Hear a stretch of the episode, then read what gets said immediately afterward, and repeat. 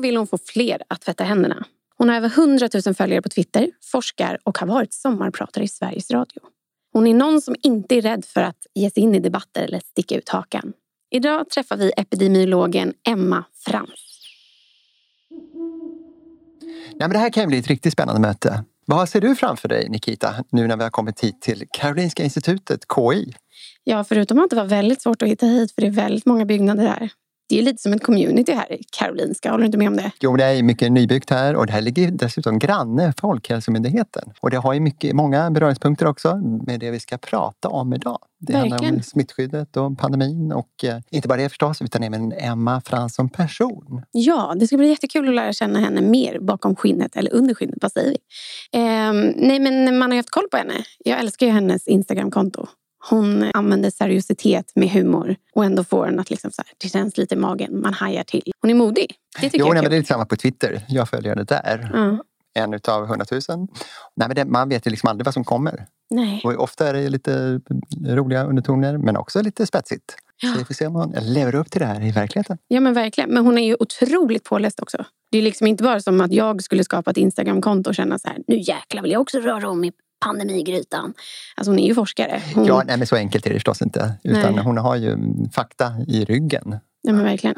allt hon säger grundar sig på fakta. Precis. Så att vi får se. Ja, och sen så kallar väl hon sig också som en folkbildare. Att hon vill ju göra vad man säga, det vetenskapliga språket eh, allmänt känt. Alltså, hon skriver på ett sätt så att vem som helst skulle kunna förstå oavsett vad det har för bakgrund. Liksom. Ja, ja, men verkligen, verkligen. Hon har ju förmåga att nå ut kan man säga. Nej, men vi kör väl. Vi släpper ja, in Emma. Inte mycket att vänta på. Nej. Välkommen! Tackar. Nej, varför säger jag tack? alla tvättar händerna och eh, alla skyller på varandra. Det är Emma Frans beskrivning av eh, pandemin och hanteringen av den som hon också har skrivit en bok om. Men hur hamnade vi här egentligen? Ja, alltså att en pandemi förr eller senare skulle drabba världen. Det har ju experter varit eniga kring eh, under lång tid. Eh, och så var det ju då i slutet av 2019 som det här viruset dök upp och människor började insjukna i Kina, i Wuhan. Exakt hur det här gick till det är ju fortfarande en del oklarheter kring. Nu, nu på sistone har ju den här labbläckan-teorin fått lite en uppsving men fortfarande så är ju den mest trovärdiga teorin att det här är någonting som har liksom hoppat över av misstag från en fladdermus till människa via kanske någon mellanvärld. Så det är lite det som har hänt. Och sen så jag menar förutom pandemin så har det ju också varit en infodemi. Eh, och det har spridits mycket märkliga påståenden, ren desinformation men också mycket missförstånd och missuppfattningar. Det har blivit väldigt politiserat också. Eh, grupper har ställts mot varandra och eh, ja, det har varit en väldigt hetsig debatt senaste då ett och ett halvt året. Och jag har varit lite mitt uppe i det här. Och det var ju lite det också jag ville på något sätt. Det var därför jag började skriva dagbok och lite också därför jag gav ut den här boken. Just för att dels få skriva av mig men också kanske öka förståelsen kring hur svårt det kan vara när man följer vetenskapen i, i realtid. Men var det verkligen så att alla skyllde på varandra? Det var ju forskare stod mot varandra, yeah. sen hade vi myndigheterna, sen, sen hade, sen hade vi statsministern mitt yeah. uppe i allt det här. Jag tycker att det har varit ganska mycket så att man faktiskt att, att få har varit villig att ta på sig ansvar och ta på sig skuld och sådär. Och det har ju varit både liksom kanske på politisk nivå men också lite sådär på individnivå. Att vi på något sätt eh, kanske och jag märkte på mig själv också att man på något sätt tittar på sig själv och sina vänner med en annan blick än människor som man tycker står för nära en i, alltså okända människor, främlingar som står för nära en i matbutiken eller som intervjuas på stan när de är ute och shoppar i, i gallerior och inte alls verkar ta så stort ansvar. Så det har ju varit också präglat väldigt mycket av konflikter. För covid-19 och smittspridningar generellt eh, är ju ett kollektivt problem. Och det går inte att lösa heller på individnivå. Alltså vi är väldigt beroende av andra människors beteende och då blir vi också väldigt irriterade på andra när man tycker att de inte beter sig så som de borde. Borde ta ansvar. Alla ska ta ansvar. Jo, precis. Och, och, jag menar som sagt var, eh, samtidigt så är man ju själv, det beskriver jag också i boken, hur jag själv ibland hamnar i situationer där jag kommer på i efterhand att det här kanske inte var det klokaste att göra. Så att det är ju svårt också. Ju längre tid som går, desto svårare är det också att bete sig exemplariskt. Så jag tror att alla någon gång kanske har gjort något sorts misstag under den här pandemiperioden. Vad var din mening eller varför ville du släppa den här boken? Alltså först och främst så eh, var det att jag hade ett behov av att skriva dagbok. Det är ingenting som jag gör varje dag annars. Utan jag hade liksom ett behov av att skriva av mig. Men sen så kände jag också dels att det har varit en speciell period eh, och, och, att det också har varit svårt att eh, Ja, men man har varit väldigt mycket i nuet också så att det har varit svårt att reflektera kring de förändringar som hände. Liksom från att man slutade ta människor i hand och folk bunkrade toalettpapper och sådär. Så det blir ju dels ett spännande tidsdokument. Sen så tänkte jag kanske initialt att det snarare skulle bli så att det här skulle bli berättelser som jag skulle kunna använda i en bok som handlade om kanske vetenskapskommunikation eller liksom svårigheterna när man följer vetenskapen i realtid där det faktiskt kan tillkomma ny forskning som gör att det vi trodde eh, tidigare inte längre håller. Alltså jag tyckte också att just att man följer det successivt gör att det blir också en, en intressant inblick i hur, hur, vetenskapen förändras över tid och också hur man ska förhålla sig till det som vetenskapskommunikatör när, man, när det finns så stor osäkerhet och att man vet att det som jag säger idag kanske kan vara inaktuellt bara om någon vecka.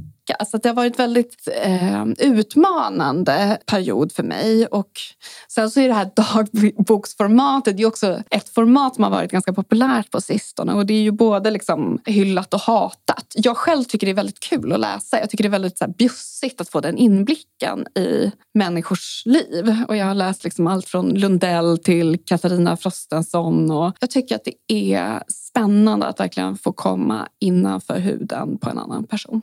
Du säger att du har varit med i det här på ett sätt. För du har ju varit väldigt, eller det har ju varit din tanke om jag har förstått dig rätt. Mm. När man har lyssnat på dig på olika sätt.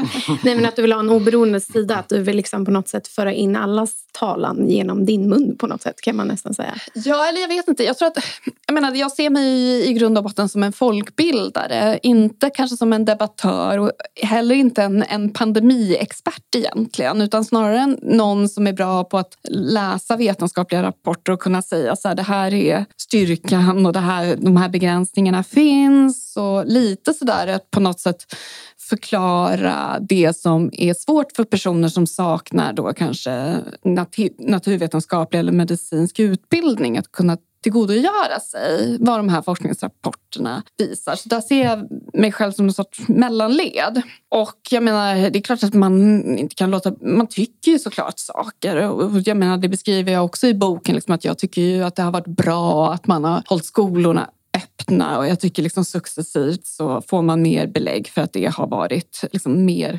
bra än dåligt i alla fall. Eh, och sen så skriver jag ju också att jag kanske tycker att man var lite långsammare i början och sådär. Så det är klart att jag tycker saker. Men i en situation när ingen har facit och initialt när jag gick in i det här så gjorde jag det med ett förtroende för våra expertmyndigheter och för mig så var det ju inte liksom så som vissa journalister senare har analyserat det här att man borde liksom från början ställt kritiska frågor och varit mycket, mycket tuff tuffare och sådär. Medan jag kanske snarare tänkte att oj, nu måste vi verkligen få människor att börja liksom tänka på att hålla avståndet, tvätta händerna, stanna hemma när de blir sjuka. Att jag inte nödvändigtvis såg att när, när Folkhälsomyndigheten gick ut och sa så här, nu ska ni stanna hemma när ni är sjuka så var inte min första reaktion att börja ifrågasätta det.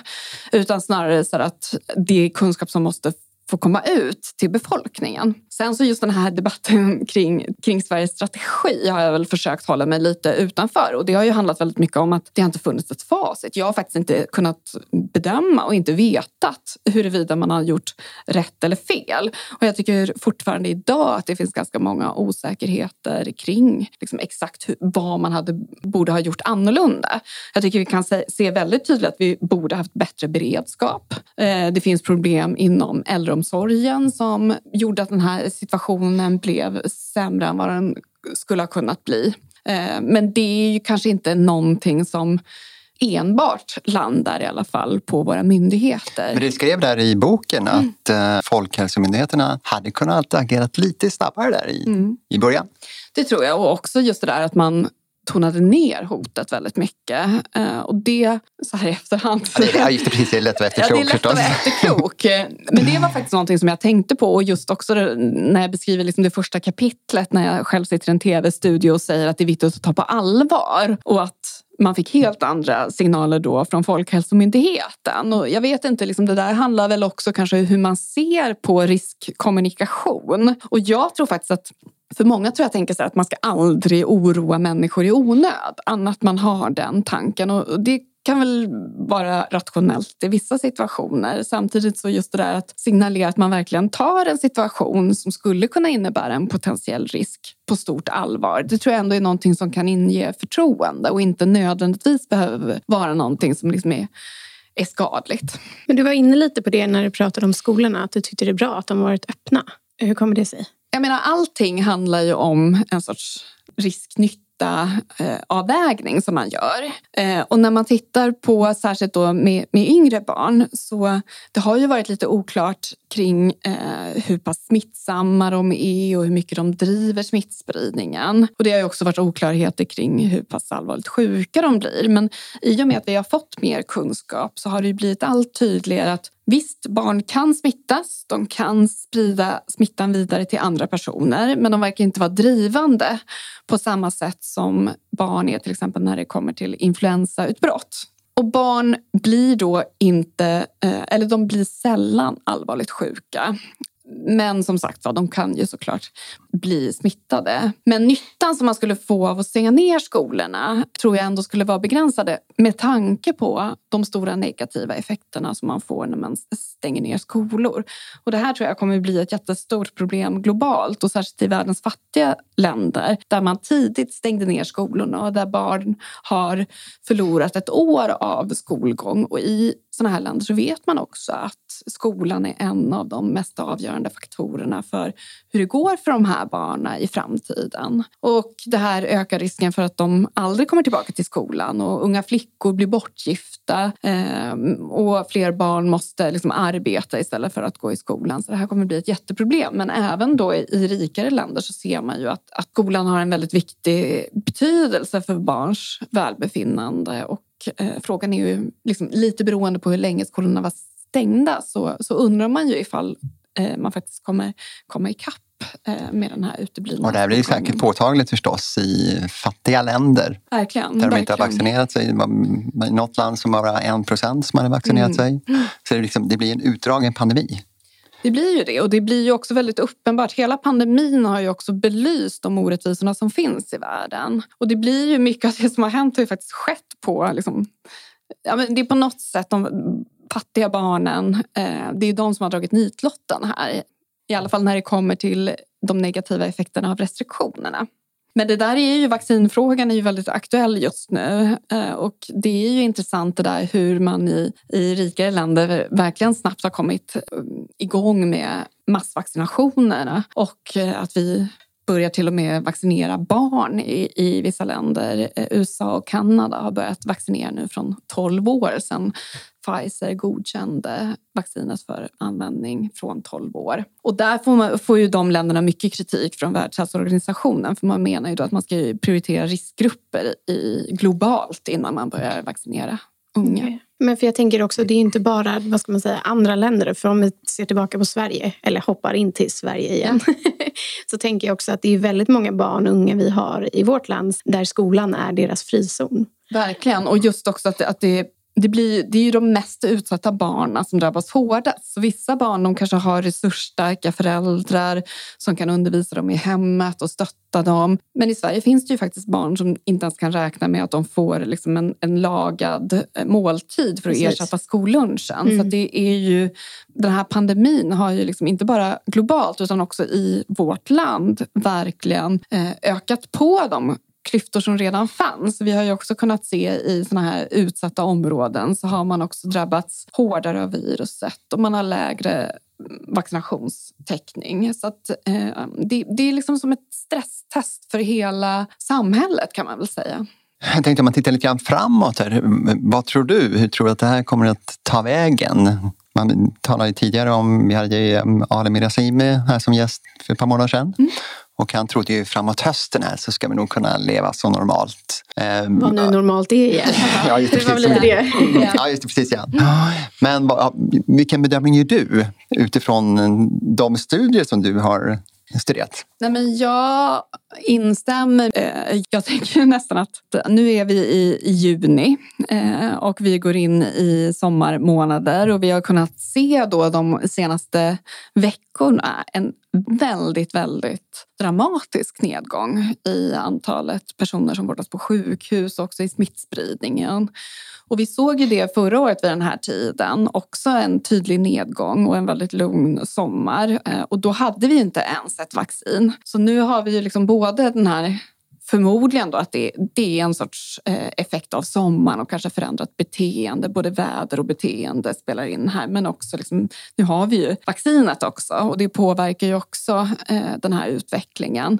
Sen så är ju frågan vad som händer då i höst. Men jag tror ju ändå då att man kommer ha en, en ett eh, omfattande skydd i befolkningen, att en stor andel kommer vara vaccinerad.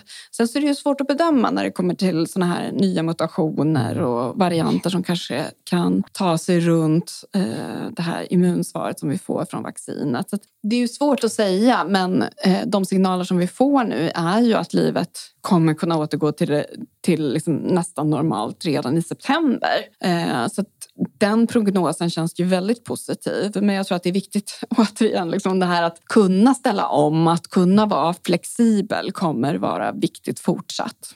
Men jag tänker så här, hur är det då? Alltså för nu på något sätt, så här, om man ska se det positiva eller om man ens kan uttrycka det så i pandemi, höll jag på att säga. Men dels har vi ju belyst många olika delar. Alltså så här, nu ser vi på klyftorna på ett annat sätt. Vi får ju verkligen, allting kommer ju upp till ytan. Vi måste ju ta i det på något sätt. Men sen så har ju du också mitt i allt det här blivit en offentlig person. Mm. Och hur är det? alltså jag menar, jag var ju... Eh, redan innan pandemin så var jag ju ganska liksom etablerad inom ska man säga. Ja, men jag skrev för, för, för Svenska Dagbladet. Eh, jag jobbade för SVT, jag hade fått Stora journalistpriset. Så jag var ju inte liksom helt bara någon som satt här på Karolinska på mitt kontor och inte hade några liksom, eh, framträdanden i offentligheten. Men det har ju verkligen skruvats upp eh, ganska många nivåer under den här pandemin. Och det har varit, tycker jag, på många sätt ganska påfrestande. Eh, och mycket av det tror jag också handlar om att det har varit så eh, det har varit en sån hetsig debatt. Eh, bara det här att få uppmärksamhet, liksom, att, särskilt om, om det är folk som uppskattar det man gör och sånt där. Det har jag ju såklart också fått. Men i en tid när man sitter väldigt mycket hemma själv, man är socialt isolerad, man är också en väldigt synlig person. Folk har väldigt mycket åsikter och uppfattningar, tycker väldigt mycket om det som händer, tycker väldigt mycket om mig. Många har tyckt dåliga saker om mig och tyckt att saker som jag har sagt har varit ja, dåliga på olika sätt. Och eh, hört av sig genom olika kanaler och för att berätta för mig om hur, hur värdelös jag är. Och det, det är ju väldigt jobbigt såklart. Det har till och med varit ibland liksom att man har eh, fått motta olika typer av Alltså det är så svårt att säga var gränsen till hot går. Men bland annat den här Facebookgruppen som avslöjades nyligen, den här Mevas-gruppen. Där har det ju varit de som har liksom skrivit att jag borde liksom stå inför rätta för brott mot eh, mänskligheten. Nej, men Gud. Eh, ja, och jag har också liksom kollegor som har drabbats av liknande saker som har slutat forska på covid-19, slutat uttala sig i debatten. Och det är också personer som har varit väldigt liksom synliga coronaprofiler. Och sånt här tycker jag är liksom extremt problematiskt. Det här att man, att man eh, på något sätt hela tiden eh, an, man anpassar sig ändå lite efter det här. Så att även om jag kanske inte har tystnat helt så blir man ju mer försiktig. Jag är också van vid att kunna liksom, skoja om saker, använder humor för att göra folk intresserade av de här frågorna som jag själv brinner för. Och, och sånt har varit ganska svårt under det här året. Men som sagt var, just när vissa personer tystnar, slutar forska på corona, då är vi ju plötsligt där det har gått så pass långt att det här är ett demokratihot. Mm, så att det har ju verkligen eh, den här typen av problematik, man har känt till det länge och journalister har ju varit väldigt utsatta, särskilt inom vissa områden så har journalister varit väldigt utsatta för hot och hat. Eh, men nu har det också blivit allt vanligare att även liksom forskare utsätts för den typen av problem. Det kanske har varit lite sånt tidigare när man har varit ute och pratat om vaccin eller sådana typer av frågeställningar. Klimatet är också en sån där fråga som har varit ganska laddad men nu har det då blivit ja, infektionssjukdomar. Och det är väl på något sätt det är ju fruktansvärt känner jag. För att jag menar att folk slutar forska på det som faktiskt räddar oss är ju helt sjukt. Mm. Eh, och också att man inte får uttala sig ja. när man faktiskt kan mer än vad Precis, att jag menar, precis. Och det som händer då i förlängningen det är ju att det blir en sorts... Eh, det blir ju bara vissa röster som hörs i offentligheten. Och det kanske är de som antingen har liksom en total teflonyta där liksom ingenting eh, kommer åt dem överhuvudtaget. Eh, eller liksom personer som... Ja, men, ja, man får bara höra vissa röster i offentligheten och jag tror att det är ganska farligt. Verkligen. För vi behöver liksom en sorts representation eh, när det kommer så att även folk som är lite sköra och som inte är såna där tvärsäkra människor som, som har jätte höga tankar på sig själva oavsett vad som händer eh, som, som behövs i, i offentligheten. Det här att det är flera forskare som har drabbats och blivit utsatta för det här. Gör eh, arbetsgivaren någonting? Jag tänker på eh, Karolinska institutet här, dit du är knuten. Får man något stöd härifrån eller, och gör man någonting kanske samfällt för att liksom försöka motverka det här? Yeah. Alltså problemet med, med, med, min situation är att jag är ju inte liksom bara anställd av Karolinska institutet utan jag sitter ju på lite, alltså jag har lite olika, jag har lite för många hattar nästan. Eh, så att ibland kan det vara lite svårt för mig också att veta liksom vem jag ska gå till för att få stöd. Men Karolinskas rektor, han har ju en blogg där han, jag tycker att han har, just när det här hände, när det var en KI-forskare som, som då offentligt gick ut med att han skulle skulle sluta forska på covid-19 så tycker jag ju att han gick ut och verkligen visade stöd eh, för, för honom och det tyckte jag också spillde över på mig faktiskt och min situation. Just det här att, att man som sagt var inte ska kunna kalla folk för vad som helst. Eh, alltså jag menar, det är viktigt att vi kan diskutera saker och att man kan ha olika uppfattningar och att man kan, kan ta emot kritik och så vidare. Men när det går till en sån där nivå att det liksom behöver... Personangrepp. Liksom. Ja, precis. Och, och, att man behöver... Klart, det märkliga var ju faktiskt också, jag tänker på de här 22 ja. forskarupproret eller vad man kallar det för någonting. Mm. Där var det ju personangrepp mm. även från forskarna på precis, mynd, precis. myndighetspersoner. Exakt, så att det är ju både det där att man måste försvara forskare men också faktiskt rektorn skrev ju faktiskt också det där att man, man måste hålla en, en viss typ av ton, en god ton. Um, men är det här vanligt? Ja. Jag tänker så här, jag kan också märka det, liksom, signalerna och tonerna i min närhet. Ja. Alltså det är som att den här pandemin på något sätt bara fall, alla gardiner har bara fallit och helt plötsligt bara, man bara va? Ursäkta, va? Uttryckte du det där? Det känns som att alla ja. helt plötsligt är experter, mm. alla vet vad de pratar om, alla är jaget. Mm, men jag tror att det är liksom en kombination av just det finns stor osäkerhet. Vi kan inte få säkra svar från experterna. Eh, det finns ett stort engagemang, det finns en stor oro och rädsla i befolkningen. Men sen också i kombination med att vi sitter hemma så mycket nu så att vi är socialt isolerade och jag tror att vi blir lite knäppa av det. Och alla de här problemen som man har sett tidigare med liksom sånt som kan hända i sociala medier. De problemen förstärks ju också när vi sitter mycket mer hemma själva framför skärmen. Så vissa idéer som vi har som vi kanske skulle liksom bolla med en kollega i fikarummet och kollegan skulle säga så nej men så där är väl inte eller har du tänkt på den här grejen?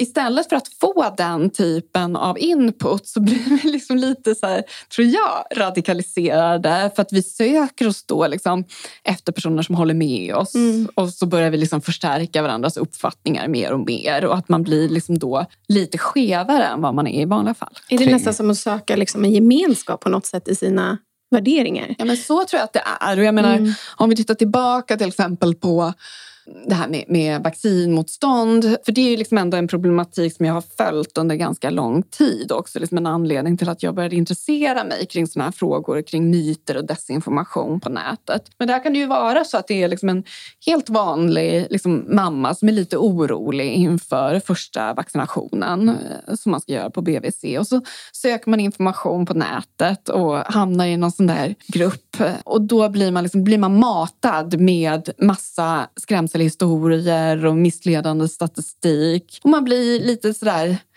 kan bli lite små radikaliserad av allt det där. Så att jag tror att det är mycket sånt som liksom pågår här också. Det måste ju krävas en viss eh, styrka att eh, stå emot den här uh, vågen, kan man kalla det, mm. som finns på i sociala medier. Mm. Precis. Tänker du på mig som en offentlig person eller alla personer som är ute i sociala medier? Nej, jag tänker, egentligen, egentligen tänker jag rent allmänt, men det blir ja. ännu mer påtagligt för dig ja. eftersom du Absolut. verkligen befinner dig där. Verkligen. Alltså jag har jobbat mycket med just det här att försöka öka motståndskraften hos människor eh, när det kommer till des desinformation på nätet. Och som sagt var liksom också just det här med, med att man tycker att, att folk skriver elaka saker och så. Och ett av mina grundtips är ju typ så här, ja, vara med människor, liksom logga ut, var inte där. Alltså förutom just de här knepen för att genomskåda rättsinformation så handlar det också ganska mycket om att minimera tiden som man tillbringar i, i sociala medier. Men sånt har ju liksom inte riktigt varit möjligt under den här tiden. Nej. För dels så har ju jag varit tvungen att följa nyhetsflödet hela tiden och vara väldigt uppdaterad på vad som händer. Inte bara i Sverige utan också andra delar av världen. Och då använder jag sociala medier för att få liksom de senaste artiklarna från från Science och The Lancet och sådär. Så att jag har inte kunnat skärma av mig på samma sätt som jag kanske kan göra i andra perioder när jag känner liksom så här, nej men nu orkar jag inte med Twitter-trollen längre. men hur gör, hur gör du då? För jag vet ju själv när jag får sådana kommentarer ja. så känns det ju ändå. Vad gör du för att det inte ska kännas på något sätt? Att det inte ska gå in hela vägen till självkänsla. För direkt ja. så kommer den ju kommentaren ja. och det känns i magen. Mm. Sen måste man ju göra något aktivt för att mm. den liksom inte ska in hela vägen mm. på något sätt. Nej, men jag tror inte att jag har någon enkel och bra lösning på det där. Utan jag menar, jag tror att det är... Man måste ju på något sätt lite kanske då skilja på den man är, alltså Emma som är, som är liksom jag som privatperson och också lite vem man är i offentligheten. Eh, och kunna skilja det åt och på något sätt förstå att de här kommentarerna handlar ju liksom om mig som offentlig person och man kan ju tänka liksom lite sådär, ja, vilka mekanismer ligger bakom det här? Jag menar, det är ju klart som folk, människor som är oroliga och som inte kanske tänker helt rationellt. Och, och sådär. Eh, så att man kanske hobbypsykologiserar lite. Kanske inte mår så bra själva heller. Det kan Nej, man ju tänka sig också. Det, det, är ju liksom, så är sätt det ju. Att avreagera sig på något sätt. Så, så är det ju såklart. Ja. Att man, man på något sätt kanske projicerar sin egen ångest och rädsla på andra människor som man mm. förknippar starkt med det som sker i världen just nu. Eh, men, men som sagt det bästa tipset är ju liksom att logga ut och göra andra grejer. Men det kan man ju inte göra under en pandemi. Och vad gör du då för någonting då? När du loggar ut? Ta en promenad. Nej, men promenader, liksom sådana där grejer. Men, men jag kan inte säga, det är inte så här, alltså jag menar, det är ett problem som vi har tror jag. Jag tror inte det går att liksom på något sätt tänka bort det eller hitta någon strategi. Utan det här är ett reellt problem som jag tror att man måste arbeta med. För som sagt det är ett hot mot demokratin om människor inte kan eh, liksom sprida kunskap och sådana saker utan att man får liksom, eh, den här typen av personpop. Så, mm. så att jag menar som sagt jag tror inte det finns liksom ett sätt att bara lära sig att hantera det utan det är ett problem. Och jag tror också faktiskt att det kan vara, det kan finnas risker i att man blir för bra för att hantera det, mm. på att hantera det. För då är det just det där liksom teflonet som utvecklas mm. och då kanske man i slutändan blir, liksom inte lyssnar på någon kritik överhuvudtaget. Och man måste ju kunna lyssna på kritik för att utvecklas. Mm. Och sen så det bästa, för om man mår dåligt, alltså det är väldigt många som gör och så mm. skriver de sådana saker för att få ut sin egen liksom, frustration. Mm. Men det är ju nog kunskap, vill jag bara, det kan jag säga. För att det bästa sättet att stärka dig själv och lyfta dig själv är genom att lyfta andra. Så att, mm. eh, ta med det.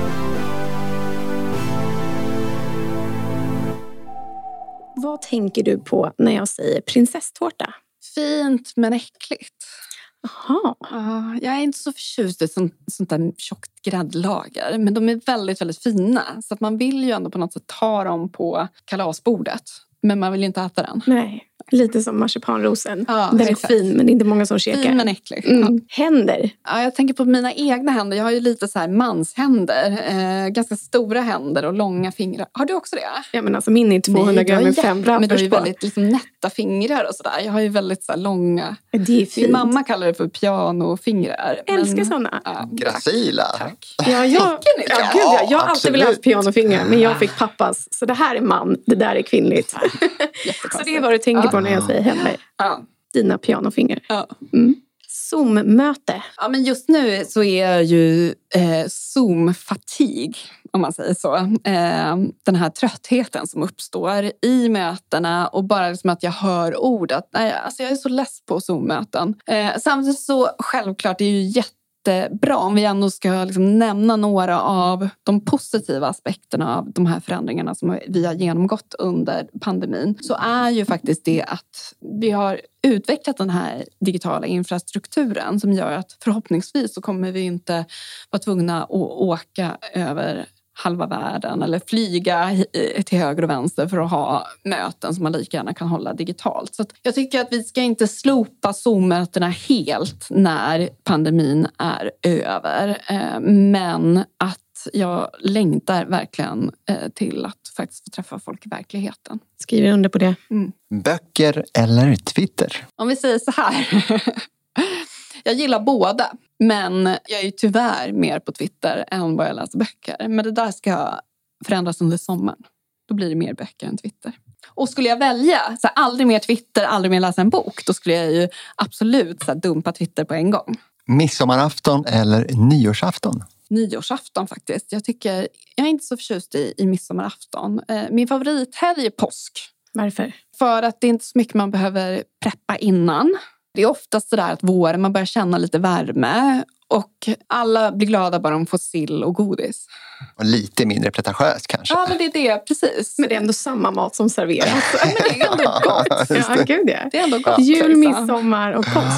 Men midsommar, det är ju alltid liksom dåligt väder. Nej, jag föddes då. Aha. Det var jättebra. Ja, det är var det bra. Men nyår det är också sådär, vi har, vi har en trevlig tradition på nyår också som hela familjen ser fram emot. I år så hade vi den ju inte av förklarliga skäl. Men, men annars så brukar vi träffas ett gäng, en annan familj också eh, och ha det. Och det brukar vara supertrevligt. Så det låter som nyår, men påsk hade du önskat? Påsk först, men av nyår och midsommar så föredrar jag nyår. Okej, okay, ja, men där fick vi ett tydligt svar. Ja. Skogen eller krogen? Ja, men skogen ändå faktiskt. Ehm, jag är inte jätte Alltså jag tycker om att träffa folk och ta en vinlunch eller en after work eller särskilt sitta på en uteservering och sådär. Men det är ändå skogen som jag tror att jag liksom återhämtar mig mest i. Jag tycker väldigt mycket om att också vara ute och plocka bär och plocka svamp och sånt där på, på sensommaren och hösten fick vi veta ganska mycket här om mm, Emma. Gud, jag älskar det alltså. Ja. Jag älskar, det är därför jag älskar det här avsnittet. Din forskning. Ja. För du forskar ju om hur pandemin påverkar den psykiska hälsan. Ja. Och varför valde du den vinkeln? Det var faktiskt så att det var några här på institutionen som skulle dra igång det här projektet och då frågade jag om de ville att jag skulle hjälpa till med det här. Eh, och jag, eh, för att jag var väldigt intresserad av de här frågorna och det var ju liksom också hela pandemiåret så diskuterade man ju väldigt mycket liksom just det här Eh, hur man vägde smittspridningen mot nedstängningarnas negativa effekter för folkhälsan, till exempel då psykisk hälsa. Och man liksom tog för givet nästan att det skulle påverka oss negativt medan andra då invände och sa att vi ser inte det. Vi ser faktiskt inte att självmorden ökar. Vi ser inte att fler personer får diagnosen. Men beror det på att man liksom inte söker hjälp i pandemitider? Vi ser ju det med massa andra typer av tillstånd. Att färre personer får olika typer av diagnoser. Så det kan vara någon sorts undanträngningseffekt eller att man inte söker vård. Men vi kände i alla fall att det var väldigt relevant att undersöka det här. Och jag använder också sociala medier faktiskt för att få in eh, försökspersoner. Alltså få personer att svara på vår webbenkät. Så det tyckte jag också var ganska kul med det här projektet. Just det här att jag har en stor plattform i sociala medier men jag har använt det väldigt mycket som en megafon. Alltså att få ut kunskap och saker. Men nu blir det första gången som jag liksom använder det för att få in kunskap. Har det, har det funkat? Det har funkat jättebra. Och det har också varit så väldigt tydligt att efter att jag har skickat ut information så har de sett en stor sån här uppgång i antalet personer som fyller in i enkäten. Så det kändes väldigt kul och tacksamt också just det här att man har lagt mycket tid på att etablera sig i sociala medier. Att det också kan ge avkastning när det kommer till mitt arbete här på Karolinska. Eh, det tycker jag känns jätte, jättekul. Finns det någonting ni kan se redan nu eller är det för tidigt? Alltså jag vet inte hur mycket jag får säga. Nej, just det. Det kanske är uh, sekretess. Men det verkar ju faktiskt som om ungas välbefinnande har påverkats mer än äldres faktiskt. Och det kanske man kan tycka är lite paradoxalt med tanke på att äldre människor har varit de som har varit mest isolerade. Men för dem så kanske det har blivit en mindre omställning. Eh, och just det här också, personer som liksom om man är en ung vuxen som pluggar på universitetet. Det kanske inte är så kul med distansundervisning. Man blir, alltså det är en viktig tid i livet där man ska vara ute och träffa människor. Och man kanske inte bor på ett sätt så att det är så bekvämt att jobba hemifrån. Jag menar, det är en ganska stor skillnad på att jobba hemifrån om man bor i en stor villa och man är väl etablerad ute i yrkeslivet jämfört med om man då är en student eller om man är precis ny ute i, i yrkeslivet. Och också liksom de som kanske eh, går i, i gymnasiet. Och det har ju också varit vissa, även eh, i grundskolan, som faktiskt delvis har, har haft distansundervisning. Så jag tror faktiskt att, att det är faktiskt en grupp som man lite har faktiskt glömt bort här. För att de blir inte allvarligt sjuka i covid-19 men de påverkas nog ganska mycket och också långsiktigt av de här eh, nedstängningarna. Eller ja, restriktionerna ja, som man har haft här i Sverige. Och jag tror att det också är någonting som vi kommer se nu framöver. Alltså dels genom er forskning och andra som forskar på det. Men det blir också en, en effekt efter. Vad mm. händer efter? Och hur blir det när de ska tillbaka? Och hur är det psykiska hälsan. Men man vet ju också själv. Alltså förstå att inte få ta studenten. Mm. Förstå att inte... Alltså det finns ju så många, när du är yngre så är det så många milstolpar mm. till att du ska bli vuxen. Ja, men precis. Jag och så bor, tas det ifrån uh, dig. Jag bor ju i Uppsala där vi ofta har ett så här väldigt... Alltså det är en studentstad och vi har det här stora valborgs firandet, sista april brukar vi säga i Uppsala. Men just det här att första året som man ställde in, då kändes det ju självklart att man skulle göra det. Men nu i år Eh, när det är liksom andra året i rad. Alltså, jag har inte varit en aktiv deltagare i den folkfesten på väldigt många år men man känner ändå på något sätt att det är någonting som går förlorat när man inte kan ha den där typen av evenemang. Och Uppsala-studenterna har ju fått väldigt mycket skit under den här tiden och jag har väl själv, liksom, det skriver jag väl om i boken också, just om att de ska ha någon stor nationsfest där på hösten och sen så ställer de in det trots allt eh, i sista sekund. Men samtidigt så måste man ju också förstå liksom vilken uppoffring det är när man själv då kanske inte löper så stor risk att bli allvarligt sjuk. Att man ändå måste väldigt mycket sätta livet på paus under nu, vad som nu har varit en ganska lång tidsperiod. Mm. Det ska bli intressant att se. Och apropå det där att man skyller på varandra. Alltså det, det är ju det där. Liksom, i, I perioder så var man jättearg på äldre människor som inte isolerade sig. Eh, andra perioder var man jättearg på Uppsala-studenterna och sådär. Så det har ju verkligen... Det blir, uppstår ju mycket konflikter när vi är så pass beroende av varandra. Vill man alltid hitta någon sån där att skylla på? Mm. Man vill alltså, hitta alltså, det är lite mänskliga syndabocken. Ja, nej, men å andra sidan så kanske det inte är så konstigt egentligen heller. Ja, men det här är liksom en helt ny pandemi, eller en ny sjukdom kan man säga.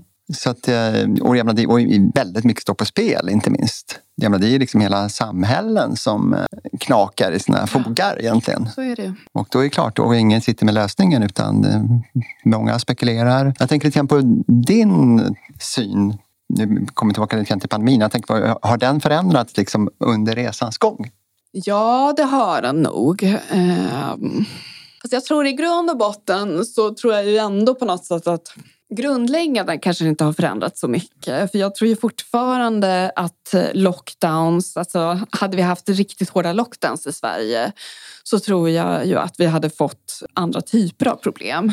Så jag tror ju liksom inte att det är självklart att vi borde haft hårdare regler. Sen så tror jag liksom att det är klart att man hade kunnat göra vissa saker annorlunda såklart. Eh, och kanske då att man hade kunnat vara bättre på att skydda de äldre, haft andra rutiner tidigare på plats inom äldreomsorgen och så. Och självklart just det här med, med bättre beredskap, att det borde vi såklart Och, kanske, och framförallt kanske inför andra vågen. För jag menar, på något sätt så vart vi ju mm. tagna på sängen ja, där också. Samtidigt lite. tycker jag det är svårt också för att det är ju också hela tiden restriktionerna måste ju ändå på något sätt stå i proportion kring hur smittspridningen ser ut. Och, och vi fick ju ner smittspridningen väldigt långt under sommaren. Där kunde man ju nästan tycka så här, vi borde ha släppt restriktionerna under sommaren skulle folk kanske fått liksom en sorts andningspaus mitt i alltihopa. Och sen när smittan började ta fart igen så var det ju svårt att veta hur pass allvarlig den här andra och tredje vågen faktiskt skulle bli. Och där fanns det den här tröttheten också. Så att jag, jag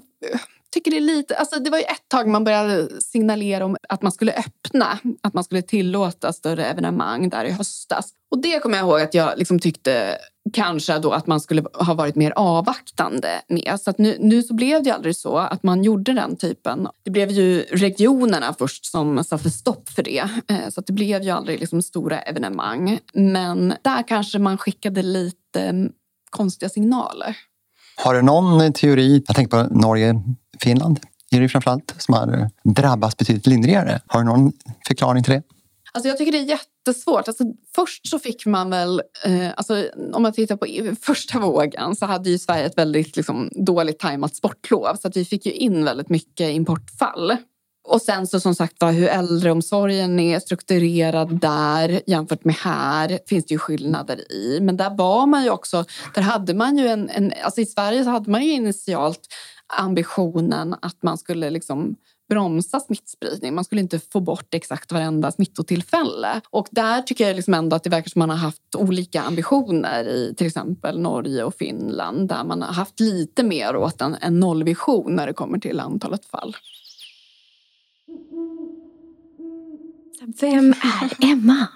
Alltså vad gör du när du inte mm, hänger på Twitter och eh, folkbildar och mm. eh, har den där megafonen som du pratar om? Ja, alltså jag är ju tyvärr en person som, som tycker väldigt mycket om mitt jobb. Vilket gör ju då att man prioriterar mycket jobb i relation till fritid. Så jag har väl liksom, liksom inte direkt någon hobby. Sådär. Men jag har ju familj och jag har två barn. som är, min, min dotter fyllde 12 precis nu. Och så har jag en son som blir 10 år i höst. Så jag har ganska liksom där, jättefin och mysig ålder på barn. De är jätteroliga att hänga med. Så de vill jag gärna eh, vara med på fritiden. Och sen så ja, men tycker om att, att träna, tycker om att läsa böcker, tycker om att laga mat. Ja, bara, bara liksom tråkiga vardags... Nej, det är inte tråkigt vardags. Och sen som sagt var, liksom, just det sociala är väldigt viktigt för mig. Och det, det tycker jag liksom att man verkligen har lärt sig under den här pandemin. Hur viktigt det är att prata prata med vänner och träffa folk. Och under pandemin har jag börjat ringa mina vänner igen på ett sätt som jag inte har gjort på jättelänge. Utan man mässar och så ses man. Men nu har man liksom haft de här långa telefonsamtalen som man hade liksom hemma på flickrummet när man fortfarande bodde hemma. Eh, och satt, satt och pratade i timmar med sina vänner. Så, så har det nästan varit. Så, så, så en fika i skogen under påsk tillsammans med bästa vännerna, det är idealet? Ja, det är supermysigt. Det är det, ja, verkligen. Men hur har du hållit ihop då? För jag tänker så här, Dels har vi pratat om när man då har varit isolerad och man fått begränsa, du kan mm. inte träffa dina vänner. Eller mm. Samtidigt så forskar du och sen så är du en offentlig person. Mm. Har det påverkat dig på något sätt? Alltså om, vi, om vi tittar på hur det var i vintras, den här liksom vintern 2020-2021 så tror jag nog att det i alla fall eh, jobbmässigt har varit den, den tuffaste perioden i mitt liv. Och eh, då tror jag att jag var nära att Alltså det är så svårt att säga just det här med, med utmattning och sådana saker. Men det kände, jag kände liksom lite sådana symptom i alla fall. Men jag tror att jag är ganska bra på att sänka kraven på mig själv också. Att, att det känns som vissa är så himla, de har så höga ambitioner på alla nivåer i livet. Inte bara jobb, utan man ska också vara jättesocial. Man ska vara liksom jättenärvarande med sina barn. Man ska ordna massa grejer. Man ska delta i sociala aktiviteter. Man ska lägga ut det på sociala medier. Ja, det är väldigt mycket sådana där. Och jag tror att jag är ganska bra ändå på att sänka sådana krav. Så att liksom, ja men nu gör jag den här grejen och sen så får, du, får jag liksom på något sätt ta tag i det andra senare. Jag renovera mitt hem eh, någon annan gång och, och bjuda på middag någon annan gång och sådär. Så jag tror att jag är ganska ändå ganska bra på att känna av när det är dags för återhämtning. Har du känt att du någon gång har gått för långt? Att det liksom är på väg att gå åt fel håll? Och Absolut. Hur fångar du upp signalerna? Sen så är det ju svårt det här med, med utmattning och sådär. Det är svårt att veta exakt vilka aspekter som avgör det och exakt vilka som drabbas. Och, alltså det man ofta ser det är ju personer som har en hög belastning och eh, liten liksom, möjlighet att kontrollera situationen själv. Och jag har ju väldigt stor autonomi och jag tror att det ofta är räddningen för mig. Att jag kan ändå, jag vet att jag ändå kan minska belastningen genom att avboka saker, ställa in grejer och sådär. Så jag tror att det är det, att jag har så pass mycket kontroll över min egen arbetssituation. Det tror jag är den stora räddningen för mig. Vad är drömmen nu när det är över? Alltså, jag tänker att vi säger att det kan väl vara över någon gång, Palle. Ja, jag orkar, alltså, jag orkar vi, inte det får vi tro med, på. Ja, jag orkar inte prata med mig själv där hemma längre. Jag är så glad att vi har den här podden. Men vad gör du när det är över? Ja, alltså, jag menar, redan nu så har jag ju lite börjat släppa pandemin. Alltså jag rapporterar ju fortfarande om det.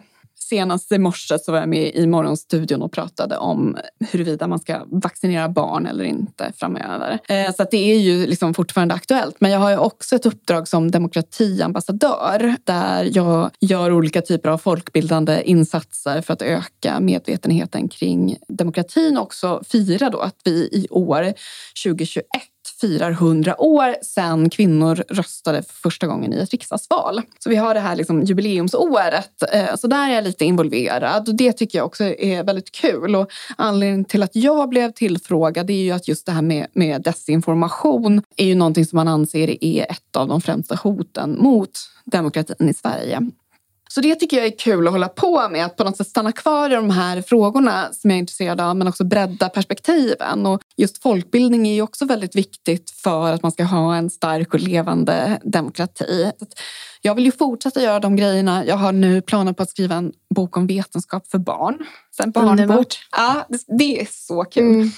Så att jag, jag kommer ju fortsätta jobba med de här grejerna men kanske på ett lite lättsammare sätt än när man befinner sig mitt i en pandemi. Och sen så längtar jag jättemycket tills man kan vara ute bland folk och föreläsa och på något sätt så här, mm, ja, men också prata om det som har hänt eh, och försöka ta reda på vad, vad, vi kan lära oss av det, den här liksom tuffa situationen som vi har befunnit oss i under lång tid och kanske också då hur man kan minska risken i framtiden för nya pandemier och nya infodemier. Kommer humorn tillbaka då? Ja, ja, gud ja. ja humorn är på G tillbaka. Det var det. Vi, det, var ja, det. Härligt. Samtidigt har vi sett, jag menar, du är ju väldigt aktiv på Twitter. Mm. Följer man dig så kommer det nästan ett inlägg, jag minst varje dag. Ja, jo men så är det ju nu. Men det var ju... och de är ju eh, humorfyllda.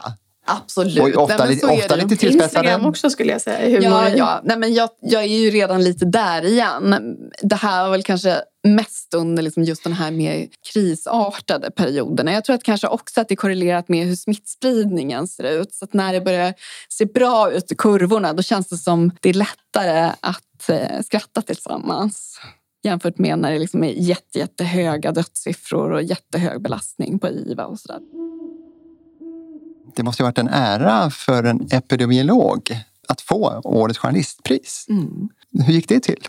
Eh, nej men jag tror att det handlade om att jag var ju tidig med att börja, börja skriva den här vetenskapskollen för Svenska Dagbladet och parallellt med det så skrev jag en bok på det temat. Eh, jag var ju också väldigt aktiv i sociala medier där jag liksom dementerade olika typer av myter och spred mycket eh, intresse kring just det här med vetenskap. Så det var 2017 då som jag fick Stora journalistpriset och jag tror att det var ganska mycket för att det, det det låg ganska rätt i tiden. Det var ju också efter att Trump hade kommit till makten, det var efter Brexit. Så vi pratade väldigt mycket då om just det här med alternativa fakta, faktaresistens, falska nyheter och vikten av att eh, ja, men folkbilda via, via medier och så.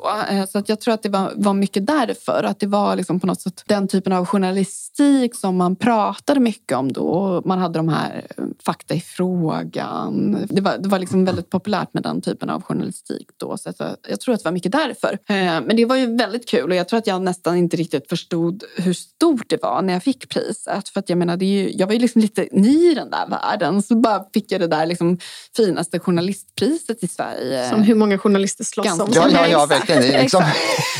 Så det var nästan lite, jag vet inte. Ja, men man var, precis, man var nästan lite liksom eh, och det kanske var bra att man inte riktigt förstod allvaret i det. För då, annars skulle jag, för jag kommer ihåg att en annan person som var nominerad då, samtidigt som mig, en kompis, nu ska jag inte outa honom, men, men han vågade ju liksom inte under den här tiden från nominering tills att priset delades ut så lyckades han, han var ju helt liksom låst. låst. Han kunde mm. inte skriva någonting under den perioden. Det, mm. det kanske var bra att jag i min liksom naivitet inte riktigt förstod hur stort det var. Emma, Vi får tacka dig så jättemycket för att du ville vara med i vår podd. Verkligen. Det känns som en ära. Ja, otroligt stor. Men det var så trevligt. Tack och, själva. Eh, Nikita, vad tar du med dig? Nej men herregud. Jag tycker jag säger alltid nej men herregud. Visst gör jag det i varje podd. Så nu kommer den igen. Men herregud.